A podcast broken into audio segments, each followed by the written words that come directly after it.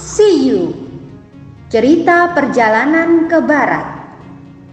Ditulis oleh Wu Cheng En Diterbitkan oleh Buana Sastra. Selamat mendengarkan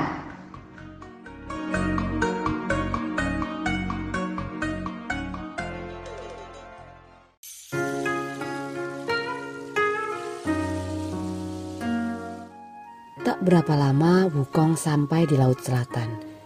Setiba di tempat Dewi Kuan Yin, ia segera disambut oleh 24 dewa.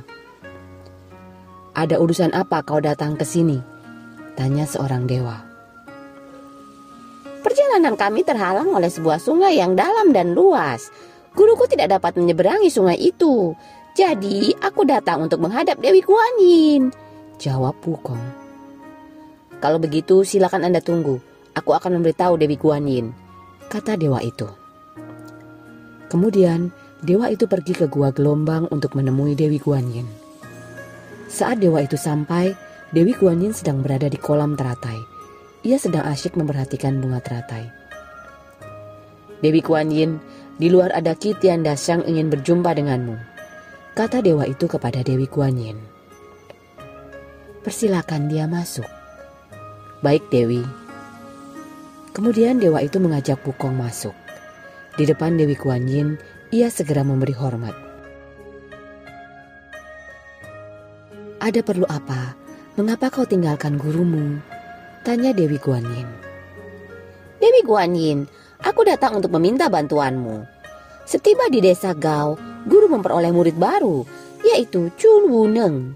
Katanya, Dewilah yang telah memberikan nama demikian. Dulu kami telah berhasil melewati Gunung Angin Kuning. Namun, di tempat ini kami terhalang oleh sungai yang airnya terlalu ringan. Benda apa pun akan tenggelam. Apalagi di sana ada alat untuk menyeberang. Belum lagi, di sana ada siluman. Siluman itu kesaktiannya setingkat dengan Cuwuneng. Itu sebabnya aku kemari untuk meminta pertolonganmu. Jelas Wukong. Hmm, aku tahu sebabnya. Mungkin kali ini pun kau bersikap sombong. Kenapa kau tak memperkenalkan diri pada siluman itu? Aku yakin kau tidak menjelaskan bahwa kau sedang melindungi biksu Tang, bukan? Tegur Dewi Kuan Yin. Benar Dewi Kuan Yin, aku mengaku salah. Sejak kemarin aku hanya berusaha menangkapnya. Maksudku, jika hal itu berhasil, akan kuminta dia untuk menyeberangkan guru. Bahkan Chu Wuneng sudah dua kali memancing dia untuk keluar dari dalam sungai. Aku pun yakin bahwa Chu Wuneng tak menjelaskan bahwa kami sedang mendapat tugas untuk mengantar biksu Tang untuk mengambil kitab suci. Jawab Wukong. Itulah salahmu, kata Dewi Kuan Yin.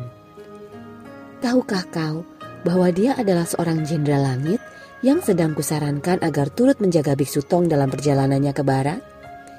Jika kalian mau rendah diri sedikit, aku yakin kejadian seperti ini tak mungkin terjadi. Sekarang, Bagaimana aku menjelaskan padanya? Kata Wukong bingung. Memang kenapa? Sekarang dia tak mau keluar lagi sebab takut padaku. Kata Wukong lagi. Itulah salahmu, kata Dewi Kuan Yin. Biarlah aku yang akan mengurus persoalan ini, kata Dewi Kuan Yin lagi. Kemudian Dewi Kuan Yin memanggil Hui An. Ketika muridnya datang, ia menyerahkan buli-buli berwarna merah kepadanya. Kau bawa buli-buli ini bersama Wukong ke sungai pasir mengalir. Setibanya di sana, kau panggil Wujing. Aku yakin ia pasti akan keluar.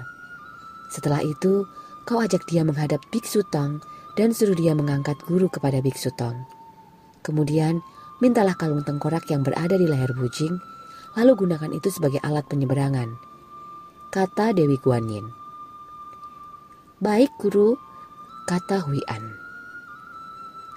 Setelah memberi hormat, Hui An dan Wukong segera berangkat. Karena keduanya bisa terbang, maka dalam sekejap mereka sudah sampai di sungai pasir mengalir. Setibanya di sana, mereka segera menghadap Biksu Tong Sansong. Melihat Wukong datang bersama Hui An, Baji merasa senang. Moja alias Hui An dan Biksu Tong saling memberi hormat – Baji pun tak mau kalah. Ia juga mengucapkan terima kasih. Atas bantuan Hui An, sekarang ia bisa menjadi biksu. Sudahlah, jangan kau persoalkan hal itu lagi. Lebih baik kita selesaikan urusan kita dengan siluman itu, kata Wukong. Apa? Bagaimana kalian akan menyelesaikan persoalan ini? Tanya Tong Sancong. Menurut Dewi Guan Yin, siluman itu sebenarnya adalah seorang jenderal langit yang dihukum dan dibuang ke bumi. Namun, di bumi pun ia melakukan kejahatan, tapi telah ditaklukkan oleh Dewi Guan Yin. Oleh Dewi Guan Yin, ia disarankan untuk ikut mengawal guru ke barat. Mengenai perselisihan kita dengannya, memang akulah yang salah karena tidak memperkenalkan diri lebih dulu. Untuk menyelesaikan masalah ini, Dewi Guan Yin mengirim Hui An ke sini. Jelas Wukong. Tong Sanzong segera memberi hormat pada Hui An. Terima kasih atas kesediaan Hui An. Sekarang silakan Hui An memanggil siluman itu. Kata Tong Sansong pada Hui An. Tanpa banyak bicara lagi, Wian berjalan ke tepi sungai. Wujing, Wujing, teriaknya. Cepat keluar, biksu yang mengambil kitab suci sudah datang. Mendengar panggilan Wian, siluman air itu segera bangun dari tidur, kemudian segera muncul ke permukaan. Setelah muncul di darat, ia memberi hormat pada Wian. Maafkan aku, Huian. Mana Dewi Guan Yin? Tanyanya. Guru tidak datang, jawab Hui An.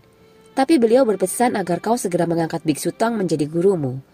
Kau juga disuruh ikut bersamanya ke barat, dan aku minta kalung tengkorakmu untuk dijadikan perahu sebagai alat penyeberangan. Ah, syukurlah. Di mana mereka sekarang? Kata siluman itu. Hui An lalu menunjuk arah Biksu Tong yang didampingi Wukong dan Baji. Orang yang sedang duduk itu adalah Biksu Tong, kata Hui An. Wah, dari mana datangnya makhluk celaka itu? Kata siluman itu sambil menunjuk ke arah Baji. Memang kenapa? Kata Hui An. Selama dua hari aku berkelahi dengannya. Tapi kenapa kau katakan mereka itu rombongan biksu tong? Ah, aku tak mau menemuinya. Apalagi yang satunya itu. Dia lihai sekali. Kata siluman itu sambil menunjuk ke arah Wukong. Kau jangan begitu. Mereka itu murid biksu Tong dan mereka menjadi biksu atas saran Dewi Guan Yin. Bujuk Hui An. Walaupun siluman itu ragu, tetapi siluman itu tak mau membantah. Ia mengikuti Hui An menemui biksu Tong. Tiba di hadapan biksu Tong, siluman itu berlutut dan memberi hormat. Guru, maafkan aku yang tak segera mengenalimu. Bahkan aku telah berlaku kurang ajar padamu. Kata siluman itu. Dasar bodoh, Kenapa kemarin kau tak mau menyerah padaku? Malah kau terus melawanku. Kata Baji. Sudahlah adik, jangan kau salahkan dia. Kita juga bertanggung jawab atas kesalahpahaman ini. Kita tidak memberitahu dia bahwa kita ini utusan kerajaan Tang yang ditugasi mengambil kitab suci. Sahut Wukong. Sudahlah murid-muridku, kata Biksu Tong. Dan kau, apakah kau bersungguh-sungguh akan menjadi muridku? Tanya Biksu Tong Sansong pada siluman itu.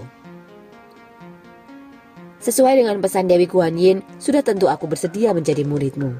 Beliau jugalah yang telah memberikan nama Sa Wujing kepadaku, kata siluman itu. Bagus, kuterima kau menjadi muridku. Wukong, coba kau bantu aku mencukur rambutnya, kata Biksu Tong. Selesai mencukur rambutnya, Sa Wujing segera memberi hormat kepada Biksu Tong. Kemudian ia pun memberi hormat pada Wukong dan Baji. Selesai upacara itu, Wian segera memerintahkan Wujing untuk membuat perahu. Mula-mula, kalung itu diletakkan di tepi sungai.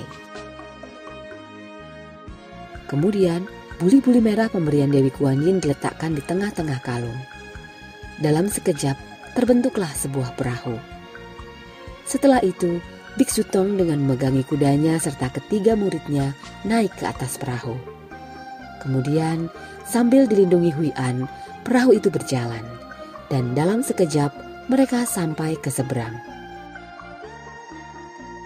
Selesai mengantarkan Biksu Tong dan ketiga muridnya, Hui An mengambil kembali buli-buli merah. Dalam sekejap, perahu itu lenyap menjadi asap. Kemudian, Tong Sansong dan ketiga muridnya mengucapkan terima kasih kepada Hui An dan meminta agar Hui An menyampaikan ucapan terima kasih mereka kepada Dewi Guan